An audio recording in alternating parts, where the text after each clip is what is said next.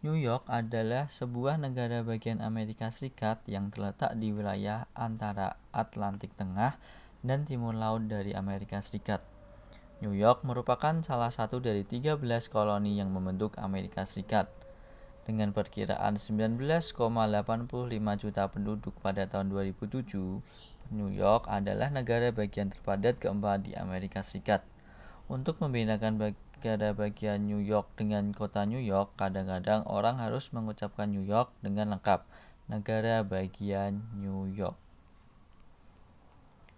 Dengan 62 kabupaten atau countries menjadikan New York negara bagian yang berpenduduk nomor tiga terbesar di Amerika Serikat.